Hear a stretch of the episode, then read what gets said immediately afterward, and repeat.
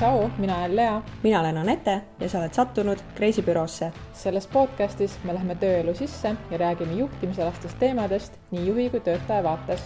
võtame sind kaasa teekonnale, kus me uurime ja avame töömaailma keerukaid uksi. head kuulamist no tšau-tšau, tere tulemast siis tagasi Kreisi büroosse. aitäh sulle, kes sa oled meie podcast'i osasid kuulanud ja meile tagasisidet andnud. see on meile väga oluline ja just sellepärast me ka täna siin tagasi oleme.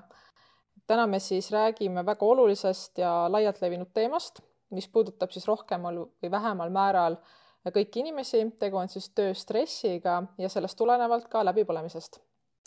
ja miks me selle teema täna võtsime, on see, et me oleme sellega ise väga lähedalt kokku puutunud, nimelt meil mõlemal on rääkida sellega seoses oma lugu.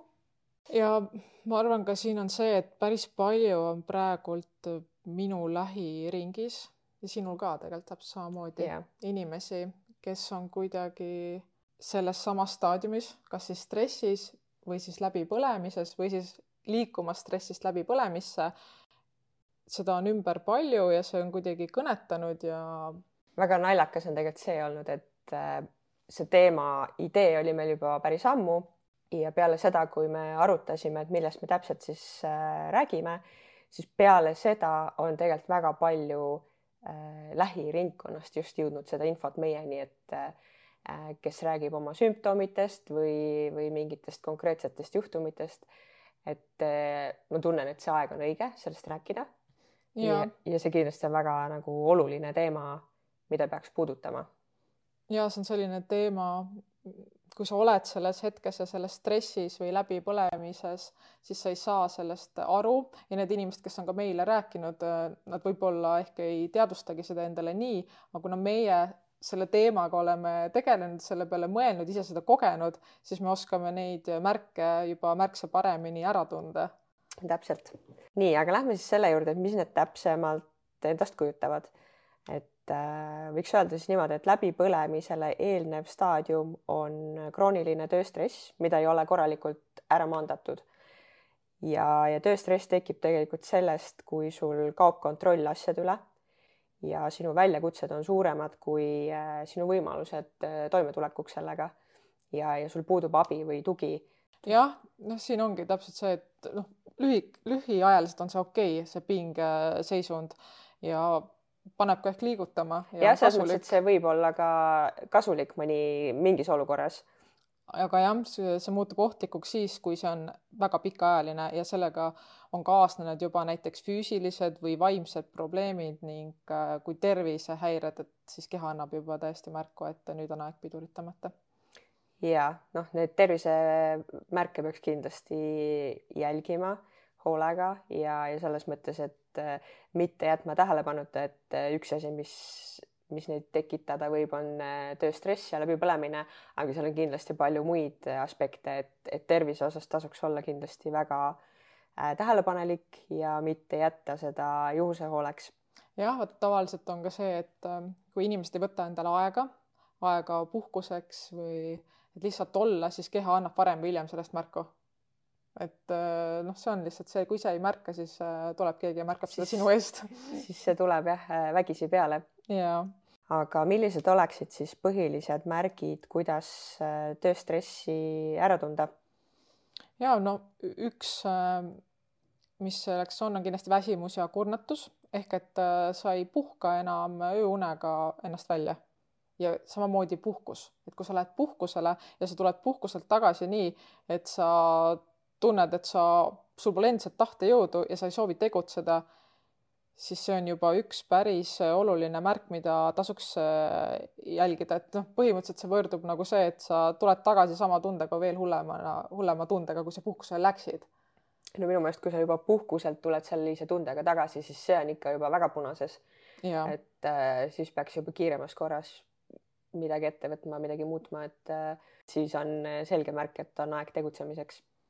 siis kindlasti, mida, mida ma olen ise ka kogenud, unehäired äh, esinevad, et sul on kas raske magama jääda, sa oled äh, mega väsinud, sul, aga sul on raske magama jääda, sa ei saa und, sa mõtled kas töömõtteid või, või lihtsalt ei tule und.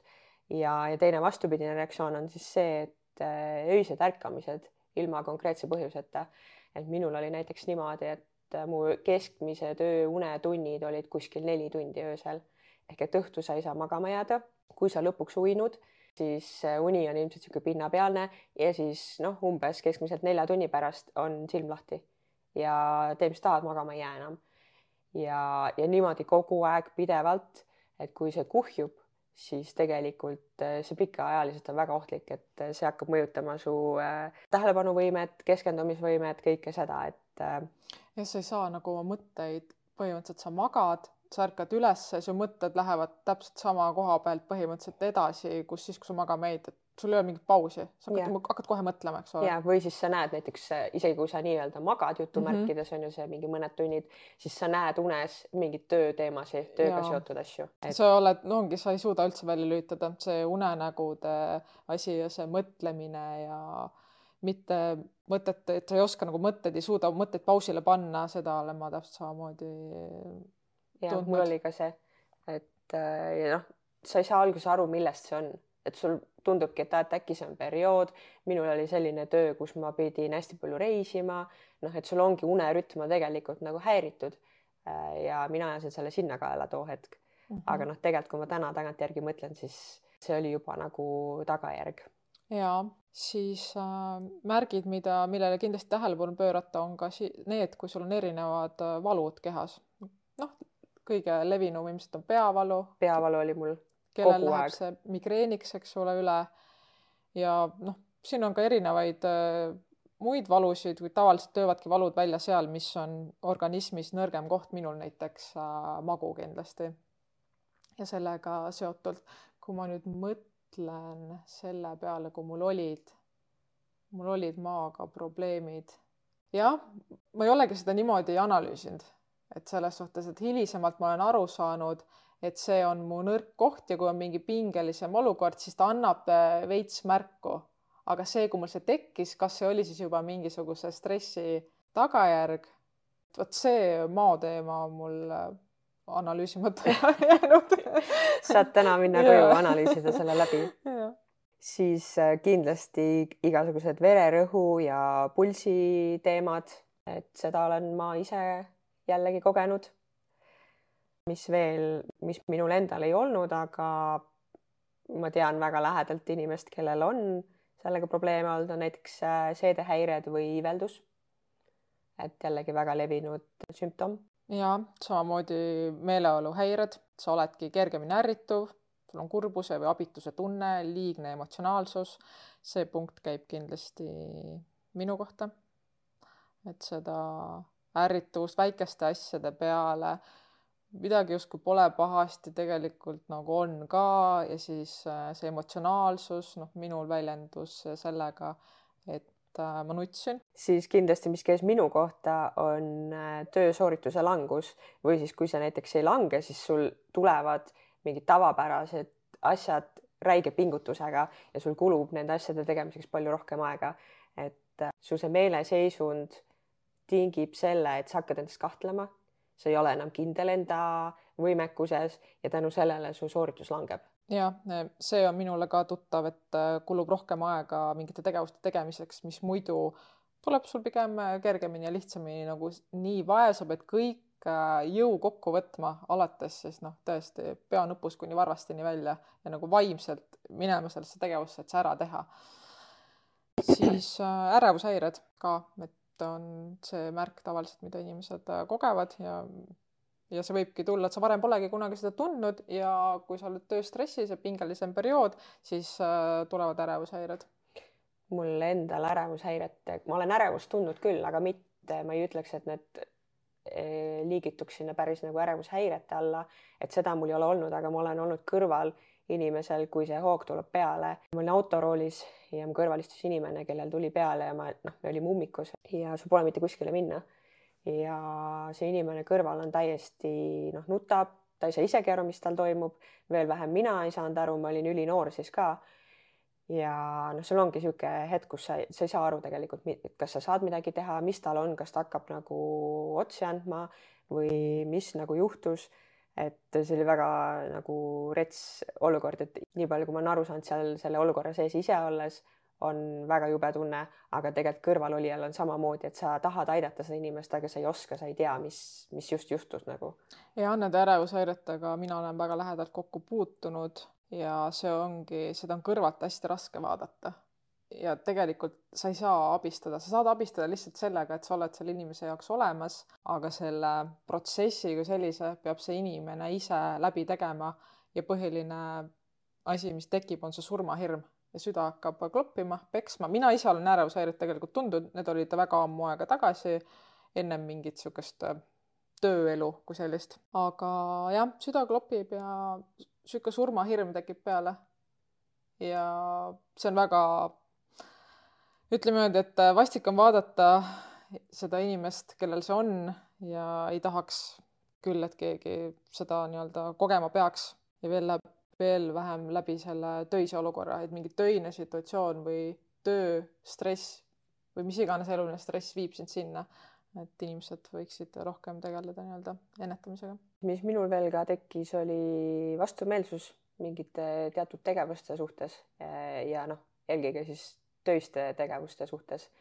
et mingid tegevused, mida sa varem võib-olla tegid hea meelega või noh, ei keskendunud sellele siis äh, sul tekkis nagu räige vastumeelsus sellele ja sa ei tahtnud neid asju teha.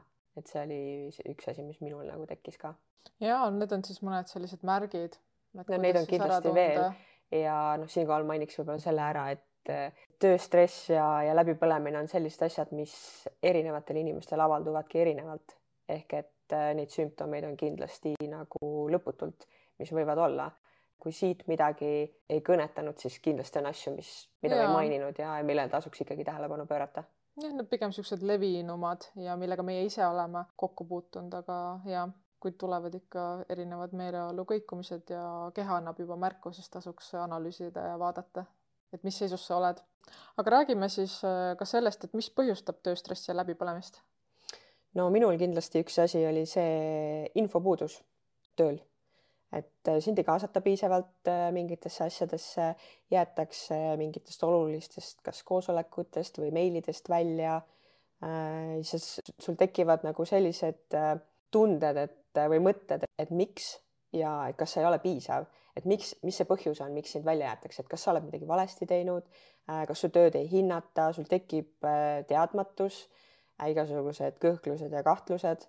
Ja, ja noh, tänu sellele ongi see, et su sooritusvõime langeb sest et sa, äh, kui, kui sa jääd mingitest olulistest asjadest välja, mis tegelikult peaksid sinuni jõudma ja see noh, ükskord juhtub, siis noh, see on paratamatus, võib-olla juhtub, onju, keegi unustas mida iganes, aga et kui see on nagu pidev muster, siis äh, sa hakkad endast kahtlema ja sa hakkad enda äh, tegemiste ja enda kompetentsi osas väga, noh, sul tekivad väga suured kõhklused ja põhimõtteliselt ongi see, et sa ei taha enam teha neid asju mm. -hmm minul on olnud ka sarnane, et äh, minu töölaual olevad teemad, millega mina peaksin tegelema, siis äh, on keegi, kes, äh, kolmas isik, kes on siis mingi koosolekul antud teemad, minu töölaua teemad võtnud siis ülesse ja siis ta pärast mulle annab lihtsalt teada, et aa, et meil oli juba see koosolek, et ma rääkisin need teemad ka ühtlasi ära ja need otsused on ühtlasi sellised.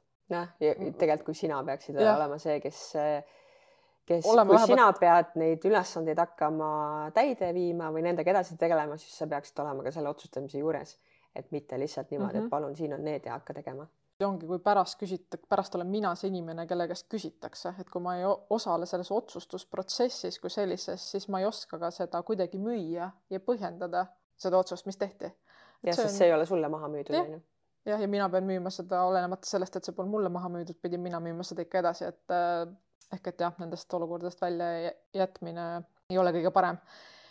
Mm, mis veel põhjustab siis tööstressi ja läbipõlemist, on kindlasti tööalased pinged inimeste vahel ehk et sul on pidev ärev õhkkond ja selline mürgine töökeskkond, kus ongi tagarääkimist, halvustamist äh, ja kõike seda. see tagarääkimiste asi, sellega mul on endal kogemus, et äh, kus oli ettevõttes oligi selline komme mingitel teatud inimestel, et äh, noh, nemad tulid siis, noh, minu juht tuli mingilt koosolekult ja esimene asi, mida tehti, oli see, et hakati taga rääkima või halvustama või kuidagi pisendama siis tema enda juhte või siis näiteks teise osakonna juhti. ma saan aru, et sa oled emotsionaalne, sa tahad seda endast välja saada, aga mis nagu eeskuju sa mulle annad sellega ja näiteks mind väga hullult mõjutas see, et mina ei tule tööle äh, selleks, et kellegagi, ma ei tea, kedagi taga rääkida. mina tulen sinna selleks, et teha oma asi ära ja teha võimalikult hästi ja lähen minema, onju aga kui pidevalt on igapäevaselt see, et jälle mingi koosolek, sa tead, et see inimene astub tuppa äh,, sealt järgneb mingisugune monoloog äh, teiste inimeste kohta ja see ei ole nagu positiivses võtmes, siis see tegelikult mõjub sulle endale laastavalt. ja.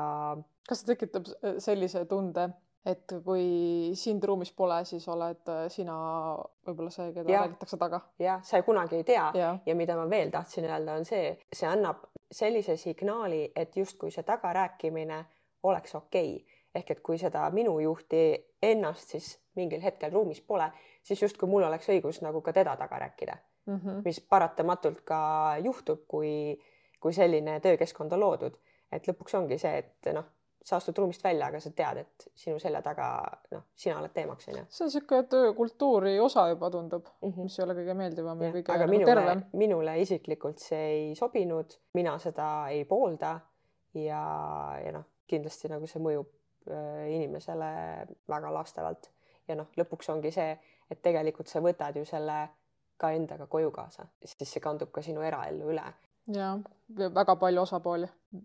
veel siis tooksin välja selle, et. aa, see on see see, millest me eelmine osa, rääkis. osa rääkisime. vana hea eh, juht või kolleegid siis võtavad paha tuju tööle kaasa ehk et siin võib-olla pikemalt ei peatuks, et eh, kes soovib seda, sellest täpsemalt kuulata, siis meie mitmes osa? teine, teine., tujud ja tunded. tujud ja tunded, just. ebaselged eesmärgid ja ootused ettevõtte või juhi poolt või siis hoopis nende puudumine. no see on ka tuttav teema. see on ka tuttav teema, et me oleme siin, me käime siin koos, me tahame sinu käest midagi. meil on mingi ootus sulle, kui sa küsid, et mis ootus, ei tea. aga midagi ka, võiksid teha. aga midagi peaks tegema. ja hästi. ja siis on see, et ja aga sa ei täitnud meie ootusi. milliseid? Teil on mingid arusaam peas ei väljenda seda selgelt endale, järelikult kui sa ei oska seda väljendada selgelt mulle ja siis ma ei täida neid mm. -hmm. päris raske on täita neid ootusi tegelikult nii. no üsna raske on jah see on see, et kui sa küsid, et tead, mis sa täna süüa tahaksid õhtuks, siis ma tahaks midagi head, aga mis see hea on, ma ei tea. ja umbes sama. nagu okei okay., rohkem ei olegi millestki rääkida. ja siis kindlasti liigne töökoormus ja liiga vähene aeg puhkamiseks ehk et töö ja puhkeaja suhe on paigast ära. ja see on teema, mulle tundub vähemalt, et inimesed äh, täna juba rohkem teadvustavad ja otsivad seda tasakaalu ja nad tahavad seda tasakaalu. Nad on aru saanud selle olulisusest, et kui su tass ei ole täis, siis sa ei too ka tööl häid tulemusi. me ei ela selleks, et ainult töötada. jah, mul on endal kogemus sellega, et äh, et ma täitsin tegelikult mitme inimese tööülesandeid ja selles mõttes, et ma oma loomult olen selline inimene, et mulle pigem meeldib, kui mul on palju asju ja sa oledki selles flow's, sa teed neid asju äh,. aga sest et kui mul on liiga vähe, siis mul hakkab igav ja siis mul jälle teistpidi, et ma ei suuda siis lõpuks ennast käima tõmmata, sest et kuidagi pole mitte midagi.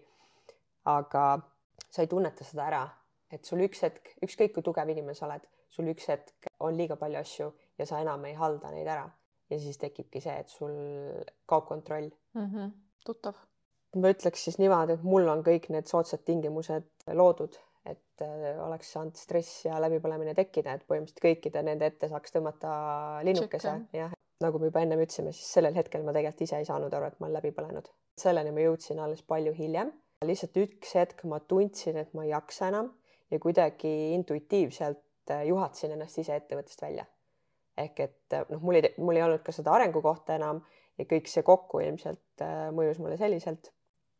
aga mul läks ikkagi päris kaua aega, et sellest äh, aru saada, et ma peaksin sealt ettevõttest äh, väljuma ja, ja noh, taastumiseks kulus mul umbes ma pakun mingi kümme kuud, võib-olla täielikuks taastumiseks isegi kauem, aga kümme kuud oli umbes selline aeg, kus ma nagu tundsin, et okei okay,, et ma nüüd oleks valmis jälle midagi tegema või, või kuidagi edasi minema ja proovima midagi uut. kas siin on ka see, et kas sul tekkis ka niimoodi, et kus vahepeal tunned isegi, et on juba okei okay, ja siis mingi hetk käib ja. jälle mingi kerge langus? jah mm -hmm., ja iga sama. kord, kui see okei okay tunne tuleb, noh, see võib olla, kas sa saad a la mingit, ma ei tea, ametikõrgendust, mingi teine positsioon näiteks või sul on mingid uued ülesanded, mis nagu natuke hämab, vaata, see peidab selle ära ja sa, äh, su see nagu tähelepanu läheb mujale, onju aga kui see langus tuleb, siis see langus on iga kord hullem, aina suurem nagu. ja noh, mingeid asju me siin juba rääkisime, mis mul tekkis, noh, oligi see kurnatus ja ja siis noh, lõpuks on sul nagu pettumine oma töös ja kolleegides, et sul on niisugune tunne, et sa ei saaks enda asjadega hakkama ja sa hakkad mõtlema, et et, et alati kõik justkui jälgivad, mida sa teed, kontrollivad sind, on ju, noh, tegelikult see ei pruugi nii olla ja kõik see väsimus ja see, noh, minul oli näiteks niimoodi, et ma tulin töölt koju äh, a la mingi kella, ma ei tea, poole kuuest jõuad koju, noh, kui sul oli jõudu, siis sa sõid natukene ja tõmbasin äh, diivani peale, magasin seal reaalselt mingi viis tundi jutti ja ärkad ülesse, sa oled ikka mega väsinud, lähed voodisse, võib-olla sa ei saa kohe und, on ju, aga mõne aja pärast jääd magama hommikul pead tööle minema, ärkad, sa oled jälle väsinud. Ja see lõputu ring nagu kogu aeg. Ja niimoodi oli päris pikk periood. Ja ma mõtlesin, et nagu mul midagi viga.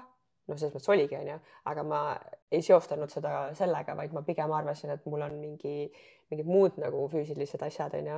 ja noh, oligi peavalud pidevalt. Ja lõpuks mul oli reaalselt niimoodi, et ennem kui sa lähed tööle, enne kui sa jõuad nagu sellest uksest sisse ja enne kui sa seda linki vajutad, siis sa hingad paar korda, hingad ära ja sa oled mingi, et okei okay,, let's fucking do this, läheme teeme ära selle ja see on nii halb koht, kus olla ja, ja kõige nagu viimane piisk oli see, kus mul tekkisid äh, lisalöögid südamesse. ja noh, ma arvasingi, et mul on reaalselt mingi südameprobleemid äh,. perearst arvas, ma peaks võtma elu lõpuni südamerohtusi, seda ma ei tahtnud. ma tahtsin aru saada, et millest see nagu tingitud on ja siis ma lihtsalt läksin äh,, käisin mööda erinevaid arste tegin erinevaid uuringuid, et aru saada, et kas mu südamega on midagi lahti. See kestis umbes pool aastat, see protsess, kui mind uuriti siis onju ja tuli välja, et mul ei ole mitte midagi viga. Et äh, noh, täna ma tean, et see oligi tingitud sellest, et mul oli lihtsalt stress. Ja see võib-olla see oligi minu nõrk koht ja see lõi seal välja. et äh, ja noh, peale seda, kui ma ära tulin, siis äh, kõik need sümptomid on ajapikku kadunud, et see ei ole küll läinud nagu üleöö, aga tänaseks mul pole enam mitte midagi. ja ma loen praegu ühte raamatut, kus on, mis siis räägib ka sellest, et väga paljud meie tervisehädad on vaimsed. nagu seesama see stress, et see tekkis ja sealt tuleb sul mingi füüsiline, nagu sul oli see südame lisalöögid, eks ole. et äh, see näitabki, kui palju on tegelikult neid inimesi ja kui palju mõjutab see, mis on meie ümber, kuidas ta kujundab meie mõtteid. ja kuidas su tervis lõpuks annab ise märku sellest. Sellel hetkel, kui mul see oli, siis minu juht tegelikult äh, sai aru, et midagi on äh, valesti. Ja selle asemel, et tulla küsima minu käest, et rääkida minuga, siis ta läks, küsis mu sõbranna käest, et äh, kas Anettal on kõik hästi? Ja noh, mu sõbranna loomulikult ju teadis kõiki neid asju, mis mul on olnud, ta teadis kõiki probleeme, mis on. Ja ta ütles talle, et tead, et räägi ise Anetaga, mis annab nagu väga selge vihje, et noh, et jaa, midagi on valesti, onju, et aga pole minu asi rääkida, mine räägi temaga. ja noh, seda ta ei teinud. sisuliselt ei kasutanud seda võimalust. ta ei kasutanud seda ja, ja poolteist aastat hiljem ma läksin minema sealt ettevõttest, siis ta, noh, ma mainisin seda talle, onju, et ma teadsin ju tegelikult terve selle aja ja siis ta oli nagu umbes veel minu peale kuidagi pahane või solvunud, et umbes miks ma ei tulnud rääkima mm. -hmm, miks sa ei tulnud küsima, kui sulle anti selge vihje, et küsi ise. ja sa näed käest. tegelikult, sa nägid, et midagi on valesti. ta märkas, sest et muidu ta poleks ju küsinud su sõbranna käest. ehk et plusspunkt märkamise eest, miinuspunkt selle eest, et ei küsinud. no minul on äh, olnud niimoodi, et kuna ma olen hommikuinimene, eks ole, ja mul on hommikul oma kindlad rutiinid ja mul tekkis see, et ma sain voodist ülesse äratuskellaga ja siis need kõik need järgnevad tegevused võtsid mul äh, nii palju rohkem aega, ehk et ma hakkasin tööle jõudma üha hiljem. mul oli ka lõpuks see. ma mäletan seda algust, kui ma alles alustasin, siis see entusiasm ja see kõik ähm, see flow, mis sul oli ja sa jõudsid tööle nii palju varem, vahel mingi seitse viisteist, vahel seitse kolmkümmend. Ma tegin ka siis neid samu asju hommikuti ja ka nüüd ja nüüd see aeg, see venib ja venib, et sa ei jõua enam, su keha kuidagi teadlikult, äh, ma ei teagi, ei taha kuidagi sind uksest välja, koduuksest välja juhatada ilmselt sa ise hakkad ennast äh, saboteerima sellega mm, -hmm. et, et sa ei peaks sinna minema, sa ei taha teha ju ebameeldivaid asju, mis sinu jaoks on ebameeldivad. ja, ja kui see keskkond on sulle ebameeldiv, sa ei taha sinna minna. ja seesama, mis sina ütlesid, et ennem uksest sisse minemist hingad, oled mingi sügavalt sisse-välja, link ja minekut tõmbad selle maski ette, et okei okay,, teed selle päeva ära, võtad kõik oma jõuvarud kokku, mis sul on, on nagu pea laest ja jalad allani, et see päev ära teha, et see on, see on väga paha tunne. Ja mis mul veel oli, oli see, et minu töö oli siis äh, liikuv. Ehk et mul ei olnud iga päev kontoripäevasid ehk et ma sõitsingi mööda Eestit äh, ringi. Ja mul ei olnud kontoripäev, ma läksin küll tööle selle ettevõtte jaoks tööd tegema ja mu sees oli nii vastik tunne, mu sees oli see tunne, et ma ei taha minna ja asi on selles, et ma ei tahtnud nende inimeste juurde minna. aga see kõik kokku oli tekitas, tekitanud minus niisuguse vastuolulise tunde. Ja noh, pluss muidugi see Eh, liigne emotsionaalsus, mina pigem elan seda välja, ehk et ma väga palju nutsin tollel hetkel. Ja siit äh, väike life hack siis see, et äh, noh, muidugi, et ärme tegele, noh, see on sümptom, eks ole, tegeleme põhilise probleemiga, kus alguse saab, aga hoidke igaks juhuks äh, külmkapis lusikat või midagi, et äh, see oli hea külm, mida siis äh, silmade peale panna, et et ma ei mäleta, kas sina ütlesid mulle seda, aga ma tean, et me oleme sellest äh, rääkinud, et mõlemad seda häkki kasutanud, nii et äh, igaks juhuks vahet ei ole, mis äh, võib juhtuda, siis hoidke lusikad külmkapis ja, ja nendel hetkedel tegelikult ongi see, et sa saad aru, et midagi on valesti, sa ei oska seda kirjeldada, sul ei ole õiget äh, sõnastust sellele. aga sa saad aru, et see ei ole tervislik. mul ei olnud ju kordagi olnud sellist tunnet, et ma ei taha tööle minna või sul tekib vastikustunne, kui sa sõidad tööle. ilmselt seal tekib ka see, et sa tegelikult ei saa aru, miks see sul on ja, ja siis sa võib-olla ka ei, ei taha sellest rääkida kellelegi, sellepärast et sa ei saa aru, miks sa niimoodi käitud, onju. ja kuidas sa lähed ütlema, et et mul täna vastik tööle sõita või no kellele mm -hmm. sa ütled seda mm, -hmm. sa üritad ise oma mõtteid kuidagi seada ja leida seda lahendust. et jah, minul siis sellised nii-öelda märgid. okei okay., aga kuidas siis võiks hoiduda sellest või millised võiksid olla mingid lihtsad tegevused, mida me võiksime teha? no üks asi näiteks on pauside võtmine, see aitab siis nii-öelda ennetada stressi ja selle stressi kuhjumist ja tööpäeva keskel mingid viieteistminutilised, mingid hetkelised pausid ehk et sa ei liigu koosolekust koosolekusse, vaid sa võtad vahepeal selle hingetõmbepausi ja siis tegutsed edasi. see on niisugune asi, mida sa saad päeval teha. ja miks mitte ka noh, liikumine värskes õhus äh, ja üleüldse füüsiline liikumine on nagunii hea, et miks mitte minna, teedki mingisuguse väikse jalutuskäigu, see ei pea olema pikk, ongi mingi, ma ei tea, viis-kümme minutit mm. -hmm et saada korraks nagu see pea puhtaks ja noh, igasugune jalutamine, jooks, trenn, kõik see on ju tegelikult äh, see, mis aitab. ja minul jooksmine kindlasti aitab väga palju, et ühtpidi see on aeg sulle, sul on väga palju aega mõelda, tundub, et oi-oi, jälle paha olukord, eks ole, aga tegelikult minul toimib see nii, ma mõtlen neid mõtteid, aga ma kuidagi viskan nad eemale ja siis võtan nii-öelda uued mõtted kaasa, ehk et pea on tegelikult äh, palju värskem, kui ma sealt jooksuringilt tagasi tulen. ehk et noh, tee siis neid tegevusi, mis aitavad su tassi täita ja töömõtted eemale viia. ma olen väga palju kuulnud seda, kus öeldakse, et mul pole aega või noh, ma ei leia seda aega, et noh, mingi jooksma minna või noh, ajaga on jälle see asi, mida me ka oma esimeses osas rääkisime, et aega ei leita, aega tuleb võtta, et aeg ei ole miski, mis sa paned tõesti kuskil ostukorvi ja see on sul olemas kui ei toimi niimoodi, et orgaaniliselt suudad päeva jooksul tekitada endale see hetke, pane kalendrisse, pane endale kalendrisse, nii nagu sa paned koosolekud kalendrisse, et aeg sulle, trenn, mingi hetk ja siis on sul palju lihtsam sellest kinni pidada. üks asi, mida mina teen või noh, tegelikult me teeme koos seda, on ju, mis on meie mõlema jaoks toiminud, on see, et äh, me käime talisuplamas. ja see, miks minule see meeldib, on see, et ma saan täiesti pea puhtaks sellel ajal ehk et sellel hetkel sa ei mõtle mitte millelegi, su aju teeb restardi ja sa saadki tulla tagasi täiesti puhta lehena. see on ainukene tegevus, kus ma tõesti lakkan mõtlemast ja see, see tegevus ei ole pikk, aga selle mõju, positiivne mõju kannab siit päeva lõpuni jah, kui mitte isegi, isegi kauem. jaa, et mul samamoodi asendamatu tegevus minu jaoks. ma isegi ütleks, et kui ma peaks kõikidest muudest asjadest loobuma, siis sellest ma ei tahaks loobuda. Jah, ma võtsin isegi täna ujumisasjad kaasa. no et... väga hea, siis lähme teeme täna selle ja supluse ära. supluse ja kes äh, tunneb ka huvi selle vastu, siis äh, anna meile teada, me ootame uusi liikmeid oma klubisse just. mis veel aitab, on kindlasti oma lähedaste ja armsate inimestega aja veetmine ja nii-öelda sotsialiseerumine.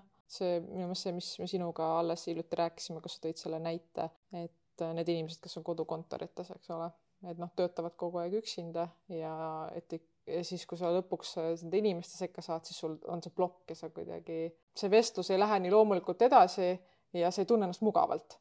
jah, see on tekkinud sellest, et need inimesed on ainult olnud seal kodukontoris ehk et see on nende ainukene, nad on üksinda, neil pole otseselt kellegiga suhelda ja see töö iseloom võib-olla ka ei ole selline, et sa pead kogu aeg kellegagi suhtlema. et äh, jah, ma olen rääkinud nendega ja, ja nad on seda öelnud ise, et sul kaob ära see nii-öelda sihuke elementaarne suhtlus, sa ei oska enam või sul pole nagu otseselt ka millestki võib-olla rääkida ja et selles mõttes, et minu enda jaoks toimiks nagu nii-öelda a la fifty-fifty on ju, et ma pool aega saan teha üksi mingeid asju, pool aega saan olla kellegiga koos. et sest minu jaoks ikkagi, et ma teiste inimestega veedan aega koos, see annab mulle energiat juurde. ja mina olen seda sotsialiseerumise asja tundnud töö juures päris palju, et kui sa värbad inimesi ja sa värbad läbi veebi, ta on sealt elav, ta on enesekindel, sa võtad ta tööle ja, või siis on ka mingi vahekohtumine, sa vaatad, vau, kes see inimene on. ehk et üks-ühele, olles minuga samas ruumis sama laua taga, ei oska ta ennast väljendada, ta on arglik, ta ei vaata sulle otsa ja ta on hoopis teistsugune. see ongi see, et me oleme tänapäeval harjunud olema nutitelefonis, rääkima ekraanidega, vaatama ekraani. Võtke see hetk, pange see telefon kõrvale ja rääkige inimesega silmast silma, et tunnetage ja see on palju mõnusam ja see annab sulle palju rohkem kui see sinine valgus, mis ekraani pealt tuleb siis kindlasti on olemas erinevaid äh, praktikaid, alustades mingi mediteerimisest ja igast sellised asjad, on ju, aga mida mina olen proovinud ja ma tean, et ka sina, on äh, see sügav teadlik hingamine. et kui võib-olla mingi mõned aastad tagasi keegi oleks mulle sellest rääkinud, siis ma poleks väga midagi sellest arvanud. Aga nüüd, olles ise proovinud, siis ma tean, et tegelikult see töötab. Ja noh, muidu me teeme seda ikka ju nagu iga hetk, on ju, aga see on äh, pinnapealne. kui sa reaalselt teadlikult teed seda, keskendud sellele, siis tegelikult see annab ilmselt sama efekti kui see, äh, kui me ujumas käime, et sa ei mõtle mitte millelegi muule, sa keskendud ainult sellele hetkele ja oled seal ja, mina kasutan seda ka kui mingi, ma ei tea, kas ärevust natukene rohkem, mitte sul ka ärevushäireid, aga mingid ärevamad momendid, et siis võtadki aja ja lihtsalt hingad äh, sügavalt. mingi hetk ma isegi kasutasin seda, et tegin hommikuti mingid hingamisharjutused, vaata, mäletad mm? -hmm mis raamatust me lugesime seda? Wim Hofist. ja, ja oli küll jah, et sealt äh, ma tegin seda hingamisharjutust, et hingamine jälle nii lihtne asi, kõik me teeme, aga noh, kui sügavalt sa teed mm, -hmm. et sügavalt ja õigelt tehes on sellel mõju. Pole mitte midagi kaotada, see on tasuta.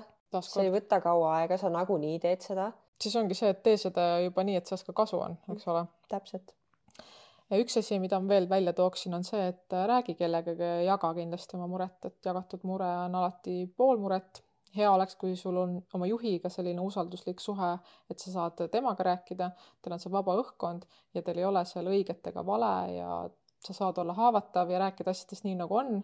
Kui see ei ole temaga võimalik, siis leia keegi usaldusväärne, on see su sõber, on see su peres keegi, on see su töökaaslane. kõige olulisem on see, et ära jää murega üksi, et äh, sa oled oma muremõtetega ja sul on väga raske sealt äh, väljapääsu ise leida. siis kindlasti üks asi, mis äh, mind on päris palju kõnetanud, on see, et pane paika endale konkreetsed piirid ja, ja pea nendest kinni ka. Mis ma siin mõtlen, on see, et ala mingi sa puhkuse ajal ei tegele tööasjadega või õhtuti ei vasta meilidele või nädalavahetusel ei tee neid asju. sina ise tead oma piire ja sina ise saad need paika panna. mitte keegi ei tule sulle ütlema neid asju kindlasti väga suureks kasuks on äh, ka see, kui sa reaalselt õpid äh, puhkama ja päriselt kasutad neid puhkepäevasi. mul on äh, mitu kogemust sellega, kus inimesed ütlevad, et ah, et ma ei saa minna, ma ei tea, kaheks nädalaks puhkama, sellepärast et mul on siis tagasi tulles nii palju asju teha või, või et ma pean puhkuse ajal tegema tööasju. ma tahaks küsida selle peale, et aga kelle viga see on? sa ei olegi ise pannud neid piire paika ja, ja siis pärast neid hakata mudima on palju raskem sul on palju lihtsam kui see, kui sa alguses kohe teed selle ära ja noh, mina näiteks täna väga jälgin seda, vanasti ma seda samamoodi ei teinud ja noh, ilmselt sealt kogu see asi kasvas ka. et täna ma teen seda väga teadlikult ja ma teadvustan endale, et mitte midagi ei juhtu, kui ma tegelen selle asjaga kaheteist tunni pärast homme, kui ma pean tööle minema. mitte midagi ei juhtu, elu ei jää seisma ja ma ei pea seda tegema õhtul millalgi. Äh, pane need piirid paika.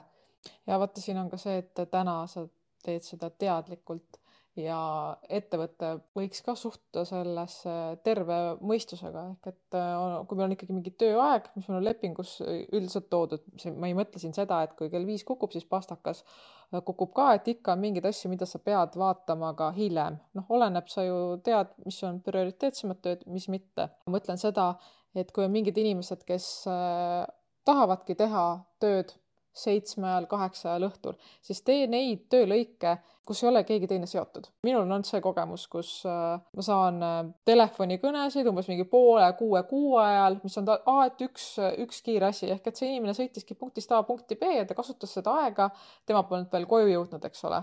nii, aga mina olin oma töised tegevused selleks päevaks lõpetanud. minu jaoks on see ka, et äh, kui ma lõpetan, siis ma laen ennast maha kuidagi ja siis pärast uuesti sinna ree peale saada et sa pead uuesti nii-öelda reboot ima ennast mm -hmm. ja tegelema mingi asjaga ja siis pärast jälle sealt maha minema, vaata, et see on väga raske. ja see on väga raske, kui sa oledki juba sellesse hetke sattunud ja see on kõik, et üks küsimus, aga see üks küsimus ei olnud kunagi reaalselt üks küsimus. see kõne oli alati mingi paarkümmend minutit äh, pikk, et okei okay,, sa tegid selle ära, siis ta läks koju, siis ta kirjutas mingeid meile. mul on olnud ka niimoodi, et on nädalavahetus, sa teed tööarvuti lahti, sa logid automaatselt mingitesse programmidesse sisse ja siis su töökaaslane kirjutab sulle, aa, et ma näen, et sa oled äh, online, et sa oled roheline, et üks küsimus. et noh, see on jälle see, et loomulikult see on minu enda asi, et ma vastasin sellega kaasa läksin, aga noh, siin ongi, või siis see vestluste teema, et meil ühine chat ja siis äh, üks kindel inimene kogu aeg äh, kirjutas sinna chati peale tööaega või nädalavahetusel ja siis oli kommentaar, et aa, et miks keegi ei vasta. see, et sina toimid nii, tee siis neid tegevusi, ettevalmistavaid tegevusi, valmista ette meile, et sa saaksid saata seda järgmisel päeval, järgmisel tööpäeval, sa saad kellaajaliselt kõike panna, eks ole. meile sa saad ajastada ka, jah. ja et ära kaasa siia teisi inimesi, et siis on see, et sa hakkad ootama vastust, aga mul on puhkehetk ja kui ma ei vasta, siis on jälle pahandus, et ma ei vastanud sulle, sa ei saanud minna edasi. et ettevõtted võiksid nagu mõelda ja vaadata seda tervikut pilti, mitte see, et pärast on sellest pahandus, et umbes ma ei vastanud, aga täpsustame. nojah, ongi võib-olla pärast on see, et eh, see info, mis jõuab eh, kuskile kaugemale, on see, et sa ei vastanud, mitte see, et sa ei vastanud kell kümme õhtul. just, aga kui, kui suur tõenäosus on, et seda mainitakse mm -hmm.? noh, ma väga kahtlen, et selline avatult nendest asjadest rääkimine ja pane ja paika panemine ma arvan, et see on üks noh, võtmekoht jälle mm. -hmm. ja mis ma võib-olla veel tahaks siia lisada, on see, et et puhkus on meile ette nähtud äh, põhjusega ja, ja kui sa näed tegelikult, et sul ei ole võimalik välja võtta neid päevi või sa pead töötama puhkuse ajal, siis äh, minu jaoks on see ülisuur punane lipp, et töökorralduses on midagi valesti. et äh, kindlasti tuleks sellest siis rääkida, see pole okei okay. keegi ei saa seda nii-öelda vaikimisi eeldada, et sa seda teed ja sa ei peagi seda tegema. ja ma olen nõus. kindlasti võiks olla üks asi veel see, et muuda midagi oma elus et on need siis mingid harjumused, on see töökoht ise, meeskond, võta pikem aeg puhkamiseks, tööst eemaldumiseks, kui sa tunned, et on tõesti vaja seda, kui sa teed nagu järjepidevalt samu asju, aga ootad sealt mingit teist tulemust, siis see on põhimõtteliselt nagu peaga vastu seina jooksmine tegelikult, et et kui sa midagi ei muuda, siis midagi ei muutu ka jah, või see on nagu bussijaamas rongi ootamine. jah, täpselt seda ei tule mitte kunagi. et need ei pea olema tegelikult isegi suured asjad, mida muuta, piisab väikestest. alusta väikestest, vaata, kas äh, see mõjutab kuidagi, kui ei mõjuta, muuda veel midagi, et noh, mina olen neid erinevaid asju katsetanud ja muutnud ja ja noh, ma võin öelda, et see töötab. Ja väikestest asjadest saab kokku suur, et ja. ärme nii-öelda alaväärista neid väikseid samme. täpselt aga mis see juhi roll siis selles on, et kuidas juht saab äh, ära hoida? ma arvan, et juht saaks teha näiteks seda, et koos tiimiga või siis noh, lihtsalt enda tiimis lahti mõtestada selle, et äh, mis see läbipõlemine üldse kellegi jaoks on ja kuidas keegi seda näeb. see aitab aru saada, kus kellegi piirid on, jällegi on ju, ja, ja kuidas seda vajadusel aidata ja kui suur näiteks stressitaluvus kellelgi on. Et noh, minu stressitaluvus võib olla erinev kui sul näiteks. Ja jah, et sa saad teada siis, kuidas keegi sellega toime tuleb, see võib olla mõne jaoks natuke sihuke delikaatsem teema, et seda ei pea tegema suure tiimiga koos, vaid seda võib teha väga vabalt ka üks-ühele, et võib-olla siis inimesed avavad ennast natukene rohkem. no see näitab kuidagi seda, et ettevõte on omalt poolt ka avatud ja teadvustab, et sellised asjad on ja ta teeb kõik selleks, et tema inimesed ei kogeks seda ja jõuaks sinna läbipõlemise staadiumisse nii-öelda, põhimõte ju ongi tegelikult selles, et kõik inimesed on erinevad ja et sa õpiksid neid tundma, siis läbi selle, et sa suhtled nendega, läbi selle sa ju tegelikult õpid neid paremini tundma ja õpid ka nende käitumis mingitest mallidest paremini aru saama. ja siis on ka hea neid muutusi märgata ja just nendest käitumistest, et sa ju näed, et mingi inimene käitub teistmoodi, ära kõnni sellest mööda, märka seda ja kõneta teda. talle on võib-olla see väga olulise tähtsusega, et sa küsid tema käest, kuidas sul päriselt läheb, et minul endal oli alles paar nädalat tagasi üks selline moment, kus üks inimene, kellega meil on selles mõttes hea kontakt, aga me pole nüüd pikalt rääkinud ja tekkis see moment ja ma küsisin tema käest, et kuidas sul päriselt läheb ja see küsimus avas äh, kõik kraanid ehk tegelikult oli seda oodanud, ta oli oodanud seda, et ma pööraksin talle tähelepanu ja ma küsiksin tema käest selle küsimuse. ja vaata, tegelikult see näitab ka seda, et olenemata sellest, et teil oli see usaldus loodud varasemalt juba, siis inimesed ikkagi ei tule ise rääkima. Ehk et tema ootas ka seda, et sa küsid, kui sa küsisid, ta rääkis kõike, aga ta ei tulnud, ta ei teinud seda esimest sammu ise. et selles mõttes, et see isegi kui teil on see usalduslik suhe ja keegi ei räägi sulle asju, ei tähenda seda, et midagi ei ole viga. ja tasub ikkagi küsida ja küsida mitu korda, et esimese küsimuse peale sa võid saada, mul kõik hästi, hästi kiiresti ja lähme kähku edasi, et ärme mm -hmm. puuduta seda mida teemat. kiiremini see vastus tuleb, seda, seda kahtlasem see on. ja see oskus juhi poolt äh, päriselt kuulata, mis on selle vastuse taga, et seda saab arendada, seda annab õppida, et kas ma vastan sulle lihtsalt vastamise pärast, et lähme palun edasi, ma ei soovi sinuga vestlusse astuda, tegelikult mul on mure ja sa pigistad silma kinni või sa päriselt näed seda ja leiad siis kas uue hetke või siis leiad uued küsimused, et see inimene avaks ennast ja te saaksite ikkagi, jõuaksite ühise keeleni nii-öelda mm. -hmm. et äh, märkame oma inimesi ja üks oluline asi on kindlasti veel ka rääkimine, ehk et kui sul on niisugune soodne õhkkond, teil on usalduslik suhe, kus saab vabalt rääkida ükskõik millistest teemadest ja täpselt see, et kuidas sul päriselt läheb. et äh, ärme nii-öelda vähetähtsusta seda, neid väikseid äh, vestlusi ja olulisi küsimusi. ja noh, kui sa oled juba selle suhte loonud, sa oled rääkinud, sa oled näida-, äh, märganud mingeid muutusi, siis äh, kindlasti üks asi, mida sa saaksid teha, on see, et äh, sa üritad koos lahendusi leida ja pakkuda abi. see näitab jällegi seda, et see inimene, see töötaja on oluline ja noh, minu jaoks on see, et ükski tööroll ei peaks olema tähtsam kui teine inimene või temast hoolimine. ma olen väga nõus. me juba ennem ka rääkisime mida me ise saame teha, aga mida saab ka teha kas ettevõte või sinu juht, on töö ja puhkeaja eraldamine. juht ei tohiks eeldada seda, et töötaja tegeleb kas puhkusel või ma ei tea, õhtutundidel, nädalavahetusel mingite tööasjadega. ja noh, see on jällegi seesama, et selged piirid töö ja eraelu vahele. jah, see on hästi tervislik, et kui sa laed oma tassi täis, sa suudad tööl panustada, te jõuate tulemusteni ja kui juht teadlikult näitab ka ise siin eeskuju, ta ise ka puhkab nädalavahetusel ja ei tülita mingisuguste meilidega ja räägib oma inimestega sellest ka vahelduva eduga, kui mingi vestluse käigus noh, rõhutab selle olulisust.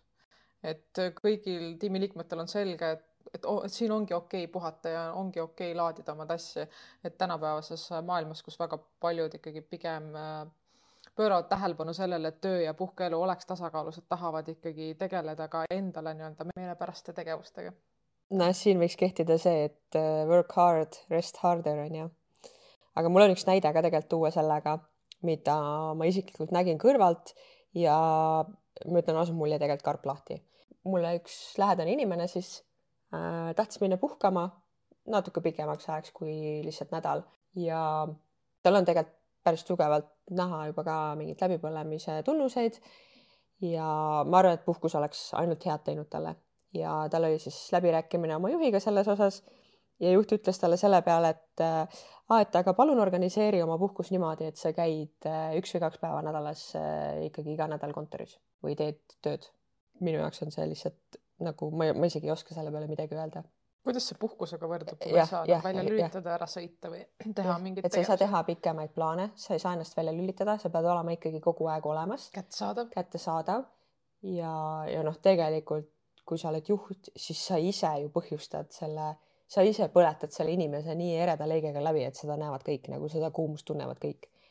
Ja mis siis nagu parem on, kas see, et sa lased tal kolmeks nädalaks äh, minna ja te vaatate, kuidas te kolm nädalat hakkama saate või siis see, et lõpuks sul pole üldse seda inimest ja sa pead ise organiseerima, ise tegema või kellelegi delegeerima tema kõik tööd? minu jaoks jälle musternäide sellest, kuidas üks juht ei peaks käituma. ja see oli väga hea näide. Nii, üks asi, mis ma lisaksin, on äh, selged ootused, eesmärgid. väga palju tööstressi tuleneb siis ebarealistlikest ootustest või siis nendest ootustest, et me ootame sult midagi, mida me ootame, no täpselt ei tea, aga me ootame Mm -hmm. või siis äh, liigsest töökoormusest ja ebaselgusest nii-öelda nendes rollides. jah, ja kui ettevõte omalt poolt teab ja mis ta ootab sellelt töötajalt või kui ta teab, siis ta oskab seda ka väljendada. kui ta ei oska seda väljendada, järelikult ta ei tea ka ise täpselt, kuidas see on. Et siis mõelge, kas pärast on õiglane öelda, et sa ei saanud, sa ei täitnud meie ootusi. mul on ainult üks küsimus, milliseid ootusi? mm. -hmm. veel ma tooksin välja suhtlemiskultuuri, et äh, me suhtleksime omavahel viisakalt ja me austaksime üksteist. et äh, me ei halvusta kedagi, me ei kommenteeri, me ei aruta mingeid teemasid, mis meile on usaldatud kellegi teise või kolmandaga ja juht võiks olla siin kindlasti eeskujuks ka selliste lihtsate asjadega nagu, ma ei tea, teretamine, millest me eelmises osas rääkisime, on ju, siis äh, aitäh, palun, kõik sellised elementaarsed viisakusasjad. selle teema kohta mul on paar näidet ka. üks on siis see, kui meil on koosolek ja juht kritiseerib siis äh, töötaja mingeid valikuid, tuginedes iseenda eelistustele. et äh, mitte me ei räägi sellest, et äh, kas töötaja on midagi valesti teinud reaalselt nagu mingi tööülesannetes või kuskil, vaid lihtsalt see juht kritiseerib sellepärast, et kritiseerida või sellepärast, et tema arvab teisiti mingeid teatud äh, töötaja valikuid, et minu jaoks see on nagu kindlasti äh, väga suur turn-off, et me ei tohiks seda teha, juht ei tohiks seda teha kindlasti ja eriti veel teiste ees. ja, ja võib-olla kõige haigem näide, mida ma võiks tuua siin, on see, kui juht jällegi tugineb iseenda isiklikele eelistustele ja talle ei meeldi mingi teatud asi ja ta saadab kirja selle kohta sulle siis näiteks on ju, sina oled see töötaja, ta saadab sulle kirja ja sinna kirja koopiasse läheb veel erinevaid inimesi ehk et nii-öelda publik on ka kaasatud ja selle kirja sisu on väga sellises mitte ilusas ja viisakas äh, sõnastuses kirjutatud ja lisaks sellele on see kirjutatud caps lock'iga. noh, see on täpselt see, et äh, kirja teel me niigi, kui keegi saadab mulle kirja, siis vastavalt, mis on minu emotsioon, ma loen sealt äh, emotsiooni, panen sinna juurde, loen sealt välja selle.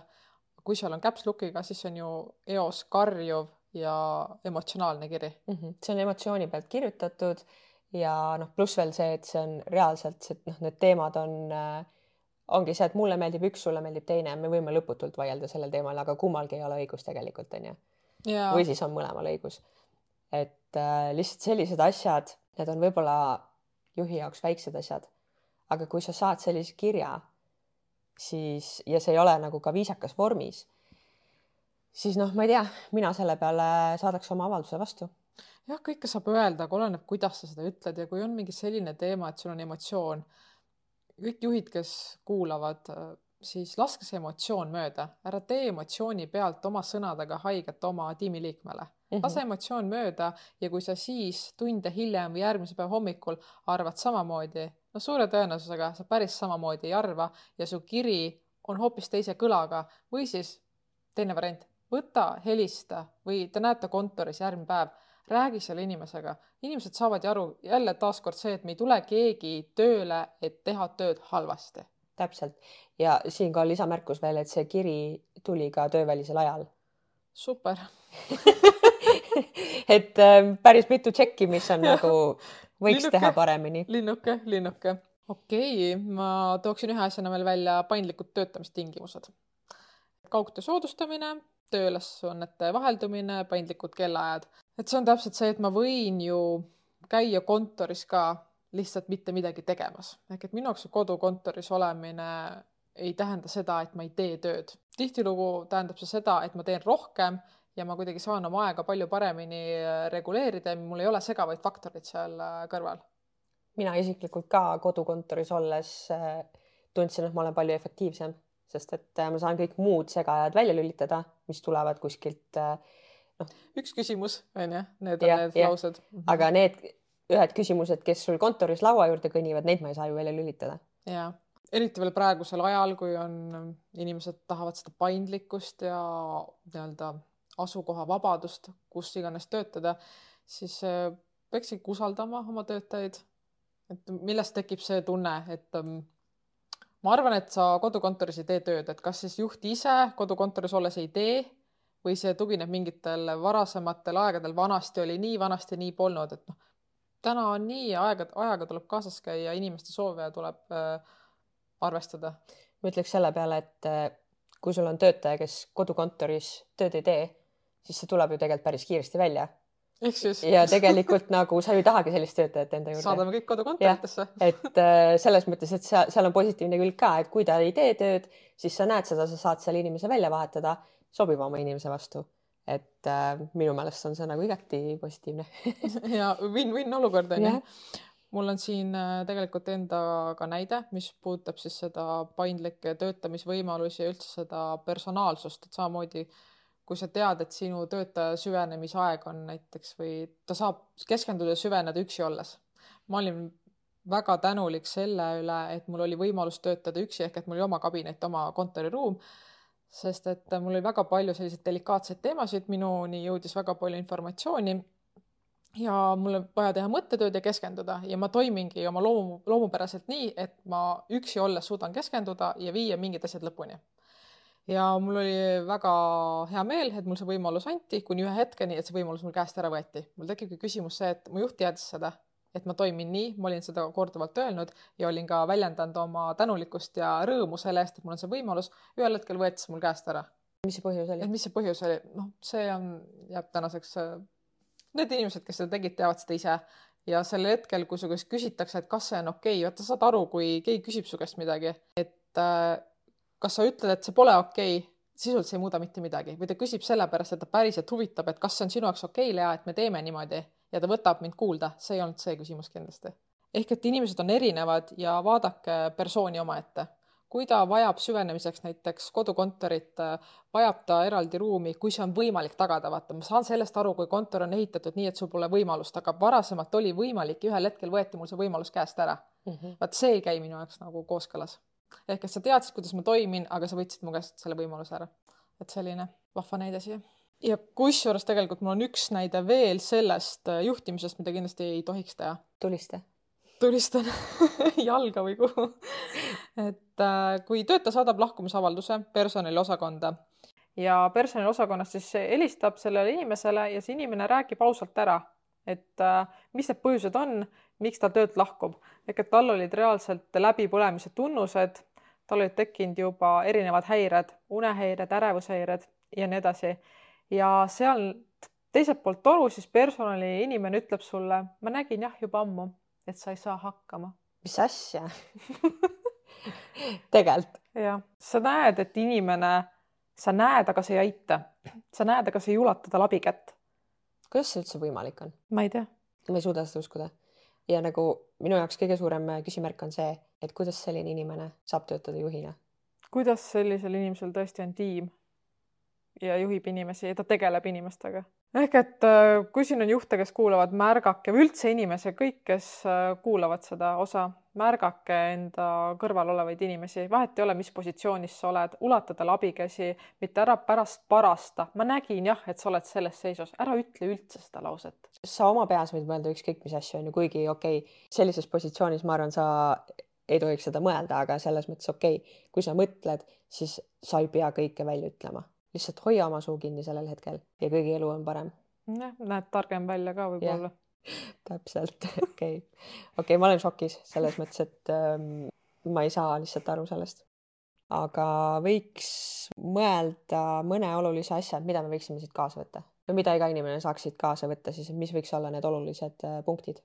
näiteks see, et teadvustamine iseendale, et me keegi pole füüsiliselt ega vaimsete tervisemuredes kaitstud, ehk et mingil hetkel me võime kõik vajada kellegi abi või tuge, ehk et ära karda tunnistada. ja selle eelmise näite puhul, mis sa tõid, täpselt seesama asi, et sa kunagi ei tea, millal sul endal on abi vaja, aga sellel hetkel, kui sul on vaja ja sa oled niimoodi käitunud, siis keegi ei pöördu sinu poole ka enam. ja täpselt, et kas sina tahaksid, et sind märgatakse, et äh, mõtle selle peale, kui sina tahad siis miks sa, sa märkasid, aga miks sa ei ulatanud abi teisele inimesele? ärme karda nagu tunnistada endale, et me vajamegi abi, pigem on see, et ma vajan abi, see on üks tervenemise märkidest ehk et sa tunnistad ja sa teed siis kõik järgnevad tegevused selleks, et lahendust leida. ja noh, ongi, me ju kõik tegelikult oleme erinevad, mistõttu ka meie see tööstress võib väljenduda erinevalt ja, ja meil on erinevad vajadused ja toimetulek ja see võib ka muutuda erinevatel perioodidel, mis on väga okei okay selles mõttes, et äh, lihtsalt teadvustada seda endale, et äh, kõikidel ei pruugi alati ühtemoodi olla. ja eitamine ja teistega võrdlemine meid lahendustele lähemale ei vii, et vahel kõrvaltvaatajana nagu hindad teiste seda toimetulekut või valmisolekut hoopis teistmoodi, et tundub, et sul on kõik okei okay,, aga inimesed oskavad oma muresid äh, väga hästi varjata minu meelest me oskame oma muresid varjata isegi iseenda eest väga no, hästi Need on et, jah.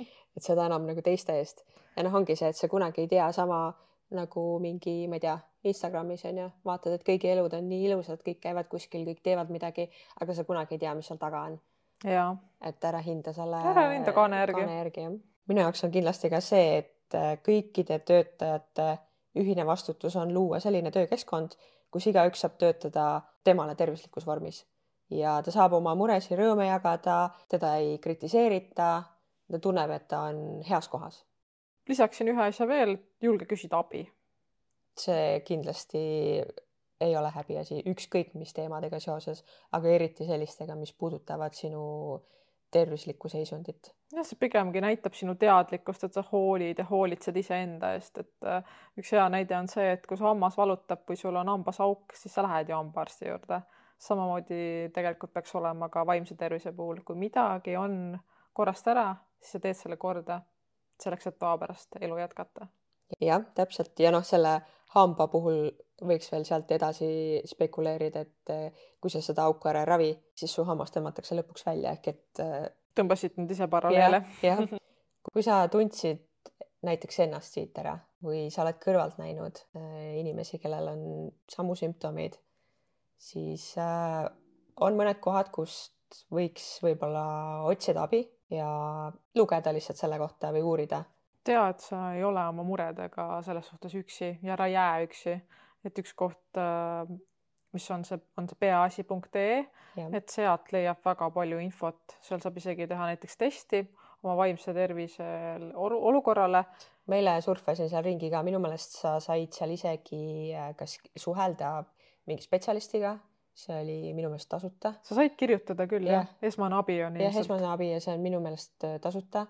et äh, seal oli hästi palju erinevat infot äh,, mida mingitel juhtudel teha, kuidas käituda, millised on äh, mingid tunnused, seal oli erinevaid videosi äh,. ma ei tea, mingeid tabeleid, et selles mõttes väga põhjalik, väga hea koht kindlasti, kust äh, leiab erinevaid nippe ja asju, kuidas äh, edasi minna, siis äh, Tervise Arengu Instituut tai.ee, seal oli ka päris palju infot ja ma arvan, et kolmandaks kindlasti räägi kellegagi, on see siis, ma ei tea, su pereliige, töökaaslane, sõber või kui sa tunned, et äh, sa vajad midagi enamat, siis kindlasti arst on see, kes saab aidata. jah, kes osta, oskab kõige paremini edasi suunata või mõne spetsialisti poole, et kui ta ise kui perearst ei ole pädev selles, et siis ta suunab sind kindlasti edasi. tänane osa sai päris pikk aga ma arvan, et see on väga oluline teema, millest rääkida, mida teadvustada, mida rohkem me nendest teemadest räägime, seda avatumad me oleme neid ka õigel hetkel ära tundma ja märkama, sest et kui me ei räägi, see ei tähenda, et seda olemas poleks. Okay.. jah, me ei tea kunagi, mis on äh, peidus kuskil pinna all siinkohal ma arvan, et võiks tänaseks otsad vist kokku tõmmata, onju. ja äh, aitäh sulle, kes sa oled meie osasid kuulanud.